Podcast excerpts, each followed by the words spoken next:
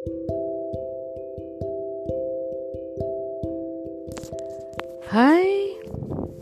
bertemu lagi dengan Baba di sini. Baba akan bicara mengenai cakra bumi dari sudut biologi. Ya, kalau kemarin itu Baba melihat dari sudut peradaban, maka kali ini Baba akan bicara dari sudut biologi. Bio artinya hidup, ya. Jadi sesuatu yang hidup dan bumi itu sesuatu yang hidup dan semua benua-benua, pulau-pulau, lembah-lembah, gunung, laut, permukaan laut, dasar laut, semua itu hidup. Jadi kita sedang berbicara tentang sesuatu yang hidup seperti kita. Hidup artinya apa? Artinya dia bisa bertransformasi.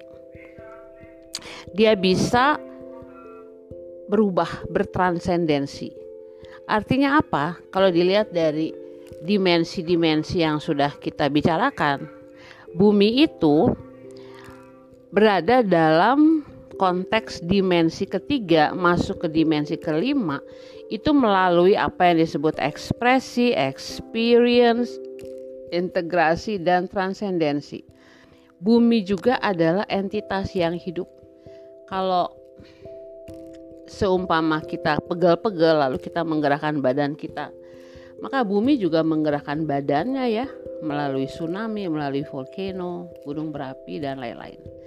Jadi bumi itu bernafas dan bumi juga punya cakra-cakra. Nah, cakra-cakra itu yang ingin Bapak bicarakan kali ini. Bagi teman-teman yang sudah mengikuti aktivasi portal Nusantara, itu tentu sudah sedikit banyak mengerti mengenai konsep cakra Nusantara ya. Nah, ini adalah cakra bumi. Jadi cakra bumi dimensi ke sorry, kelima yang akan Bapak bicarakan di sini agak berbeda dengan cakra bumi dimensi ketiga ya. Kalau cakra bumi dimensi ketiga itu yang menarik adalah ketika yang membuatkan orang-orang Amerika ini kebanyakan karena mereka kan lebih maju ya maka mereka menyebutkan Mount Sasha di California itu adalah cakra pertama. Tapi kita memakai konsep dari pola pikir semesta tentang cakra-cakra di bumi. Nah, teman-teman, cakra pertama itu ada di Afrika. Ya. Kenapa Afrika? Karena sejak pembentukan bumi sejak Gaia mengambil keputusan untuk menjadi planet itu Afrika sudah menjadi pusat kehidupan. Ya. Kita katakan kalau Mesir itu adanya di Afrika sebelah utara. Tapi ada apa ya kebudayaan-kebudayaan peradaban-peradaban yang lama, yang klasik, yang kuno, yang ceritanya itu berada di Afrika. Misalnya cerita tentang Lilith, istri pertama Adam yang juga adalah datang dari bangsa-bangsa Sumeria, ya planet-planet lain yang datang ke bumi untuk beradaptasi. Lilith itu ketika dia akhirnya tahu bahwa Adam gak mau memperlakukan dia seperti sederajat, ya, dia melarikan dirinya ke Afrika. Ada peradaban-peradaban Afrika yang tidak di expose di media-media sosial, tapi mereka punya koneksitas dengan luar angkasa. Ya, ada suku-suku bangsa yang tahu bahwa vibrasi frekuensi suara itu bisa membuat mereka masuk pada dimensi lain. Jadi ada suku bangsa, satu suku bangsa di Afrika itu yang nggak bisa dan nggak pernah dijajah oleh negara-negara Eropa. Nah konon kabarnya mereka itu mempunyai ritual untuk pindah dimensi. Tiba-tiba mereka hilang secara fisik dengan menyen, menyanju menye, mena, menyanyikan lah senandung, melakukan senandung vibrasi-vibrasi tertentu, ya. Lalu di bagian Afrika yang bernama Ethiopia itu ada kebudayaan yang sangat-sangat sangat lama, ya sangat-sangat lama. Nah, kita juga harus ingat bahwa sebelum terusan Suez dibuat sekitar abad ke-19 ya untuk membuat kapal-kapal yang dari Eropa itu bisa langsung masuk Asia. Karena sebelumnya kan harus muter dulu ke Tanjung Harapan di Afrika Selatan dan itu jauh banget. Itu Afrika dan Asia Barat ya. Itu merupakan satu daratan tersambung jadi kerajaan-kerajaan Babilonia, Sumeria, Assyria itu semua ada di wilayah itu ya. Jadi nggak heran kalau itu merupakan cakra bumi yang pertama. Nah, jadi cakra bumi pertama dari sudut um, biologi itu adalah sumber dari kisah-kisah yang ada di bumi ini. Kisah penciptaan, kisah peradaban, kisah teknologi ya buatan piramid-piramid itu di berbagai tempat di Afrika dan orang-orang Afrika itu kalau nggak dijajah atau nggak ada intervensi dari dunia Barat itu mereka mempunyai koneksitas yang sangat-sangat kuat dengan bumi. Ya. Mereka itu kalau e, melakukan ritual, itu mereka melakukan ritual menarinya secara kolektif bersama-sama. Kalau lihat film-film lagu-lagu yang mereka nyanyikan dari Afrika, itu benar-benar kolektif komu, komunal ya. Nah, itu adalah cakra pertama Sakra pertama. Kekuatan dari bumi itu disalurkan dari Afrika pertama kali. Nah, kita mau ke cakra kedua. Yang paling menarik ya. Cakra kedua ini setelah Baba melakukan research, ternyata cakra kedua itu ada di daerah Oceania, Oceania. Yaitu dari Australia sampai ke uh, daratan Asia ya itu adalah cakra kedua dan Indonesia itu pusatnya jadi benar ya Indonesia itu ada di suatu tempat yang sangat strategis yang dia itu memisahkan antara Samudra Pasifik dan samudra lainnya. Nah, di Samudra Pasifik itulah Lemuria didirikan. Dan di Indonesia itu banyak sekali peninggalan-peninggalan Lemuria, ya batu-batu megalit yang umurnya 15.000 tahun. Nah, jadi kekuatan cakra dunia kedua itu memang adanya di Oceania, termasuk Indonesia maka tidak heran sebenarnya Indonesia itu dia mempunyai posisi yang sangat-sangat uh, kuat dalam dalam peredaran cakra dunia. Nah, kita harus benar-benar hati-hati. Kalau kita tidak menyelaraskan energi kita dengan energi ibu bumi, maka maka kita tidak bisa bertahan di Nusantara. Karena yang akan bertahan hidup itu bukan yang kuat atau yang paling kaya atau yang paling pinter, tapi yang bisa beradaptasi dengan frekuensi bumi. Dan buminya sekarang sudah berbeda frekuensi dengan frekuensi-frekuensi lain. Ya. Uh,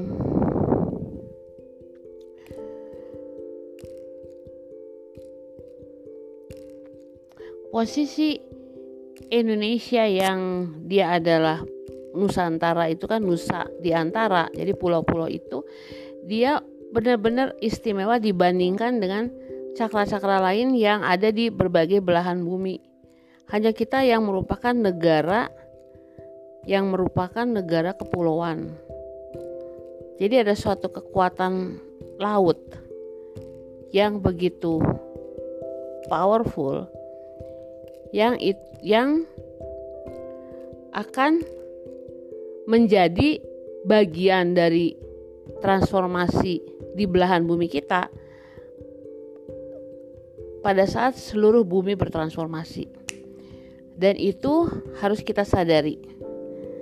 Itu yang harus kita benar-benar sadari ya. Harus benar-benar kita sadari. Dulu waktu beberapa tahun lalu ketika saya menyadari bahwa Indonesia adalah cakra kedua, saya pikir benar juga mungkin ya. Karena kan kehidupan seksualitas di Indonesia tuh parah ya. Jadi pertentangan selalu tentang seks antara poligami, antara uh, seks bebas, antara keperawanan gitu. Selalu kisah-kisah heboh di media masa itu tentang seks ya. Artis selingkuh sama ini, nanti yang ini begini, yang ini begitu gitu. Tetapi kalau dilihat dari sudut bumi, dia bukan tentang seksualitas ternyata. Dia tentang regenerasi dia tentang co-creator, dia tentang reproduksi, dia tentang me, apa ya, melipat gandakan. Mungkin karena itu kita menjadi bagian dari uh, proses penjajahan kolonialisme ya, karena kita kaya raya, kita sangat-sangat kaya raya. Oke, itu adalah cakra kedua dan ini ada di frekuensi 417. Kalau tadi cakra pertama Afrika itu di frekuensi 396 Hz. Ya. Wow. Oke, sekarang cakra yang ketiga itu berada di daratan Asia. Maka cakra ketiga itu cakra tentang mengenal diri sendiri. Siapa kita, dari mana kita, bagaimana kita. Ya tentang diri, tentang diri kita. Tidak heran bahwa selama 100 tahun terakhir ini kalau orang ingin mencari jati diri, maka mereka datang ke negara-negara yang ada di Asia. Ya terutama India, Nepal, Tibet, Cina, Jepang itu negara-negara di Asia ini adalah cakra ketiga, solar plexus. Karena dia menjadi matahari dari bumi. Dia menyinari esensi kita. Siapa kita? Itu adalah posisi cakra ketiga bumi ya dan itu ada di frekuensi 528 Nah, cakra yang keempat itu adalah cakra hati ya. Tapi dia sebenarnya bukan cakra hati karena dalam konteks cakra semesta dia disebutnya cakra transformasi. Ya bukan hati tapi transformasi dan dia letaknya nggak di jantung. Dia letaknya di diafragma di batas antara solar plexus dengan jantung kita gitu. Nah, yang menjadi cakra ini adalah Eropa. Karena apa? Karena seperti dalam posisi di dalam tubuh manusia ya. Katakanlah jantung lah supaya lebih mudah ya. Jantung itu dia memompa semua aliran darah yang akan mengalir ke seluruh tubuh. Kalau Anda sudah menyimak video tentang peradaban ya, cakra menurut peradaban, maka cakra hati ini adalah cakra ekonomi. Dia yang memompa aluran ekonomi, produksi, marketing, distribusi ke seluruh dunia. Dan itu dipegang oleh Eropa. Memang di desain seperti itu karena sebenarnya Eropa itu yang mempersatukan kita semua. ketika Eropa mulai melakukan penjelajahan ke negara-negara atau bukan negara sih dunia lain ya dunia yang bukan Eropa itu sebenarnya mereka itu melakukan suatu ekspedisi untuk menyatukan semua yang ada jadi sebelum ekspedisi Columbus Vasco da Gama Albuquerque itu setiap wilayah-wilayah bumi ini tidak punya koneksitas secara menyeluruh. Ya, pada zaman Pisces itu ketika koneksitas dilakukan oleh melalui air, itu kapal-kapal Portugis, Spanyol lalu diikuti oleh Inggris, Prancis itu mulai menjelajahi in, ya daerah-daerah yang belum diketahui saat itu. Dan lalu karena mereka menguasai itu seperti juga jantung yang menguasai peredaran darah sampai ke seluruh tubuh kita, Eropa juga menguasai peredaran kekayaan, uang, kemewahan, uh, persis seperti yang dilakukan oleh jantung kita terhadap bagian-bagian tubuh lain. Eropa sangat berkuasa secara ekonomi ya. Nah, tapi di lain pihak Eropa juga merupakan asal muasal transform, transformasi karena penemuan-penemuan misalnya dunia artistik, dunia seni, lalu agama ya, agama Kristen ya, lalu revolusi industri itu dimulainya di Eropa. Jadi dia memang seperti jantung yang berdenyut ya, yang benar-benar membuat seluruh bumi ini berfungsi atau bergerak Nah, itu adalah Eropa. Jadi dalam konteks desain para desainer bumi itu memang akhirnya dibuat negara yang begitu kecil, wilayah yang begitu kecil Eropa itu bisa menguasai seluruh dunia. Bayangkan, Brazil dikuasai oleh Portugis, Spanyol menguasai hampir seluruh negara-negara Amerika Selatan dan Amerika Tengah. Ya, kemudian uh, Inggris menguasai Amerika Serikat. Lalu Belanda yang begitu kecil itu menguasai seluruh Indonesia. Belum lagi negara-negara Afrika ya, dikuasai oleh Prancis, oleh Inggris. Jadi memang Eropa itu memegang kekuasaan kekayaan ekonomi dunia. Dan dia adalah pusat transformasi ilmu semua di situ. Jadi itu adalah cakra yang keempat dan dia ada dalam frekuensi 639 Hz ya. Nah, sekarang cakra yang ke 5 Cakra yang ke 5 adalah Amerika Utara, khususnya Amerika Serikat. Karena apa? Karena Amerika itu didesain untuk memulai apa yang disebut sebagai freedom. Ya. Jadi desain banget selama 300 tahun dikuasai Eropa akhirnya memberontak dengan perang perang perang perang perang akhirnya tahun 1776 dia itu menjadi negara dengan perjuangan yang berat sekali sampai tahun 1000 awal 1900-an ya. Dan Hawaii negara bagian terakhir itu baru bergabung tahun 1950-an. Jadi mereka itu memang e, berbicara mengenai freedom. Pusat dari freedom yaitu tenggorokan. Tenggorokan itu adalah lambang dari kebebasan berbicara ada di Amerika Serikat. Itu sampai kebebasan untuk e, menentukan nasib sendiri bagi bangsa-bangsa yang menjadi inspirasi bagi bangsa-bangsa Asia, Afrika, Amerika Tengah, Amerika Selatan untuk memerdekakan diri itu dari Amerika. Lalu kebebasan freedom of speech, freedom of fear ya. Eh, gerakan-gerakan perempuan, feminisme, ya woman liberation mulainya dari Amerika Serikat. Dan bahkan perkawinan sesama jenis itu sudah di ACC oleh beberapa negara bagian kebebasan untuk memilih uh, menikah dengan siapa. Itu adalah spirit dari Amerika Serikat dan itu adalah spirit dari cakra kelima. Jadi memang dia benar-benar mengumandangkan frekuensi untuk itu.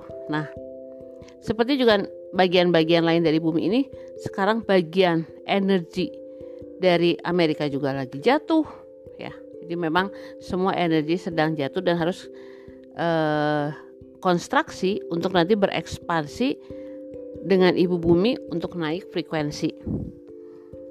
Nah, frekuensi dari Amerika Serikat, uh, sorry, dari Amerika Serikat adalah frekuensi 741. Ya, 741. Nah, sekarang adalah sekarang ini yang menarik adalah cakra keenam, pineal gland. Itu ternyata pineal gland itu di desain bagi Amerika Selatan. Karena apa?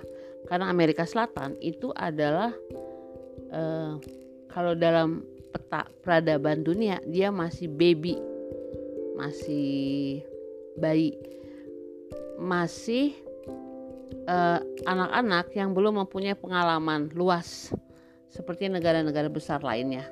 Nah, innocence dari kepolosan dari Amerika Selatan itu yang akan menjadi pineal gland bagi transformasi bumi di 150 sampai 200 200 tahun yang akan datang. Ya. Jadi Amerika Selatan. Dan itu sebabnya kita belajar tentang cakana. Karena cakana itu kira-kira dibuat 200 tahun sebelum kelahiran Yesus. Udah ada. Peradabannya udah tinggi banget. Sudah tahu apa yang disebut as above so below as within so without as soul as universe. Dia udah tahu ya. Peradaban Andes itu mencapai puncaknya 200 tahun sebelum Masehi. Dan untuk mencapai suatu puncak peradaban itu diperlukan waktu yang lama ratusan bahkan ribuan tahun. Jadi Lalu tiba-tiba mati karena kolonialisme Spanyol dan Portugis dan sekarang kolonialisme Amerika Serikat ya karena tanah-tanah di negara-negara Amerika Selatan, Amerika Utara itu ya dibeli sama perusahaan-perusahaan besar Amerika Serikat lalu dijadikan perkebunan-perkebunan anggrek, pisang, apa saja yang dibutuhkan oleh Amerika Serikat. Ya, jadi nah itu dia kepolosan seorang anak yang barangnya diambil oleh orang lain dan tidak mampu untuk berbuat apa-apa. Kepolosan itu yang akan memimpin cakra keenam dunia, pineal gland.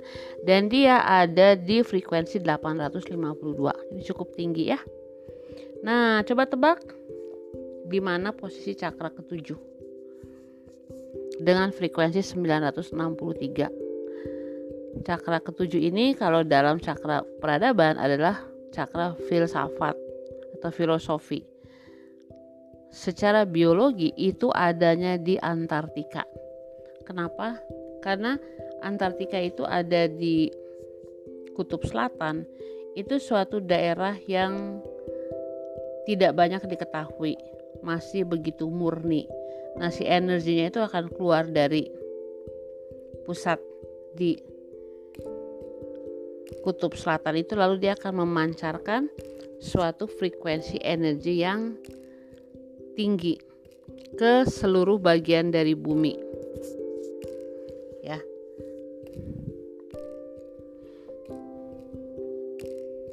Jadi seperti yang tadi saya katakan, nanti poros bumi itu kan boleh bergeser tuh sedikit.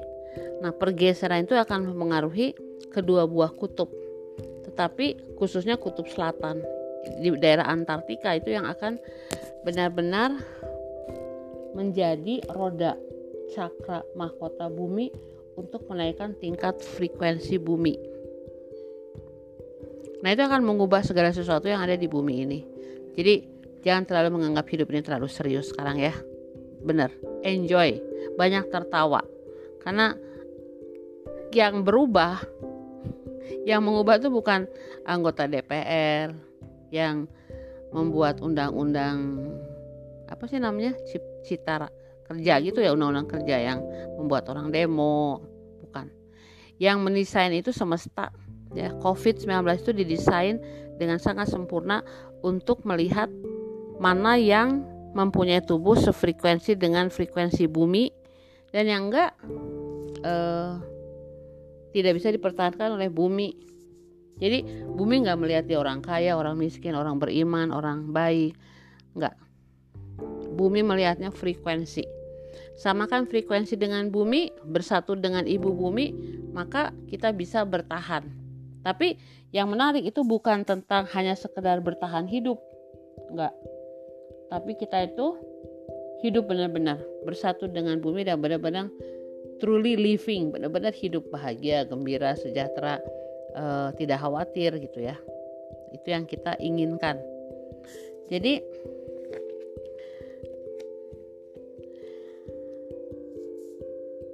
untuk menutup podcast kali ini kita ingat bahwa semua itu didesain dengan sangat sempurna oleh para kreator kita. Dan sebagian besar dari kita adalah bagian dari kreator itu dulu ya.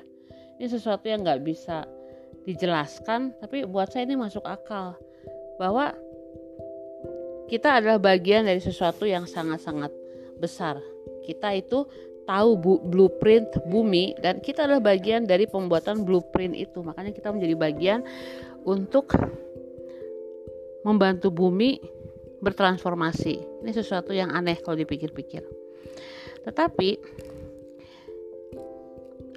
dari sudut transformasi energetik, seluruh bumi, seluruh planet, di mana pun juga, itu benar-benar sedang uh, berubah, ya. Human resonance, resonance itu membuktikan bahwa sudah ada perubahan bumi. Kita semua belajar tentang frekuensi, frekuensi, frekuensi, vibrasi, vibrasi, vibrasi. Ya, bahkan sekarang itu eh, apa yang didesain oleh para kreator kita tentang oneness itu sekarang udah terlihat ya. Jangan kan bicara soal internet ya, yang sekarang udah menjangkau siapa pun juga di mana pun juga pada saat yang sama kita bicara soal makanan. Jadi teman-teman, transformasi bumi itu akan dimulai dengan makanan. Jadi peredaran makanan dari satu tempat ke tempat lain itu bukan sesuatu yang sulit sekarang. Kita bisa mengakses makanan yang memang di apa ya diambil dari pepohonan yang ada di Amerika, di Kanada, di Cina, di Australia. Kita bisa makan apel, anggur, um, plum, kiwi yang nggak ada di Indonesia misalnya. Atau sekarang malah ada pisang. Pisangnya tuh kalau dulu saya pikir itu pisang California. Ternyata pisang California itu ditanamnya di Chili. Wah, atau kita misalnya bisa pesan bunga. Kita bisa pesan bunga dari Belanda. Ya jadi sekarang distribusi makanan ya termasuk makanan kaleng itu adalah sesuatu yang gampang yang mudah. Dan peredaran makanan itu adalah cara bumi bertransformasi. Karena makanan terutama buah-buahan itu adalah hasil dari cahaya. Kalau kita ngomong soal frekuensi vibrasi materi maka materinya adalah buah-buahan dan dia itu makanannya adalah cahaya. Jadi pada saat kita makan makanan itu sebenarnya kita makan cahaya. Ya dan cahaya itu membantu kita untuk bertransformasi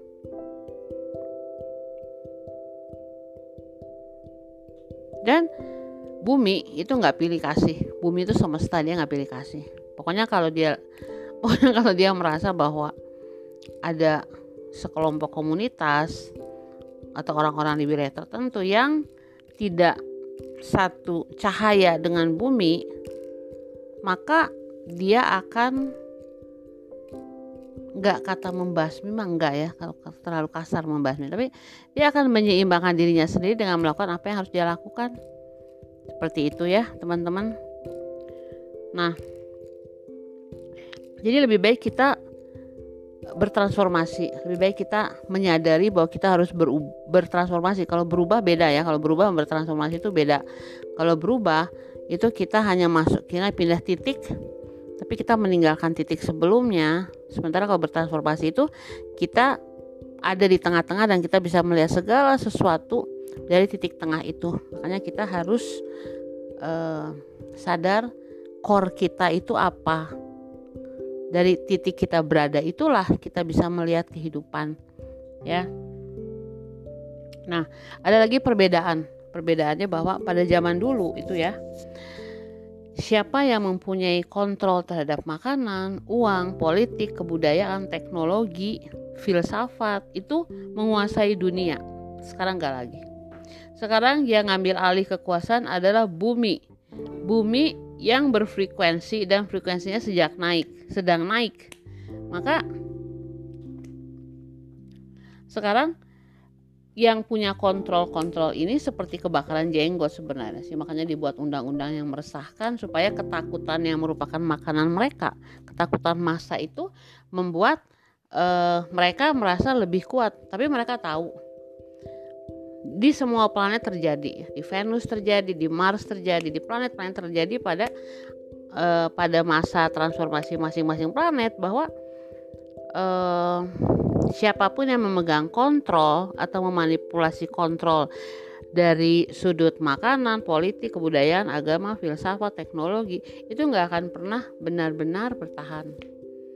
Karena apa? Karena dia juga harus menyamakan frekuensi dengan frekuensi bumi dan frekuensi bumi udah tidak mau lagi membuat orang sekedar bertahan hidup. Karena kalau orang sekedar bertahan hidup itu dia nggak beda sama binatang. Makanya disebutnya sebagai animal people. Jadi dia people tapi dia lebih berkarakteristik seperti animal karena dia hanya sekedar bertahan hidup. Hidup dalam ketakutan, nggak cukup ini, nggak cukup ini, nggak cukup ini. Itu nggak akan bertahan. Ya. Jadi sekarang yang akan tetap hidup bukan yang punya kontrol, tetapi yang punya kemampuan untuk menyamakan frekuensinya dengan bumi. Jadi kita harus selalu connect sebagai satu keseluruhan dan kita mendukung tujuan dari bumi ini. Nah, itu mengharuskan kita mempunyai berbagai perspektif yang berbeda. Kita punya pola pikir dimensi yang berbeda. Ya, kalau enggak kita akan tetap terjebak oleh ketakutan dan kita ada di dimensi yang sudah bukan dimensi bumi lagi ya seperti itu ya teman-teman ya. Jadi ini adalah podcast tentang cakra. Bapak belajar banyak bicara soal cakra. Karena ternyata cakra itu adalah geometri bumi. Jadi semesta itu bermain di frekuensi di fribasi ya di spirit di soul tetapi sesuatu yang bisa kita pegang secara panca indera adalah uh, cakra. Nah, dari cakra-cakra itu lalu dia berkembang lalu memberikan bentuk fisik pada badan kita, kepada bumi kita, ya, kepada semua planet-planet yang ada di tata surya kita dan segala sesuatu yang ada di semesta ini. Semuanya dalam konteks cahaya-cahaya yang lalu mengambil bentuk cakra. Nah, jadi kalau kita sadar itu maka sekarang kita tahu bagaimana caranya kita bisa menaikkan frekuensi. Jadi kita tinggal naikkan frekuensi teman-teman. 396 ke 417, 417 ke 528, lalu ke 639, ke 741, ke 852 dan akhirnya ke 963. Itu frekuensi-frekuensi yang dipakai di bumi.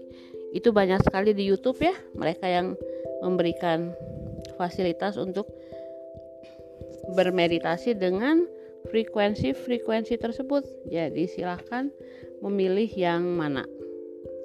Nah, satu hal yang berbagi pengalaman itu kita nggak bisa frekuensi, eh, kita nggak bisa ya meditasi frekuensi satu kali lalu udah. Biasanya minimal 30 hari dengan frekuensi yang sama baru kita menyamakan frekuensi karena dibutuhkan 30 hari minimal ya menurut penelitian di Amerika Serikat bagi otak untuk berubah kita butuh minimal satu bulan. Baik teman-teman sampai sini saja dulu. Uh, ambil yang sesuai dengan suara hati buang yang tidak sesuai dengan suara hati. Nggak perlu memperdebatkan mana yang nggak sesuai nggak apa. Itu namanya menambah frekuensi dualisme konfliktual untuk apa juga kalau nggak setuju udah biarin aja gitu. Yang setuju aja dikembangkan sendiri. Oke sampai sini. Dan teman-teman jangan lupa harmonis ya. Namaste.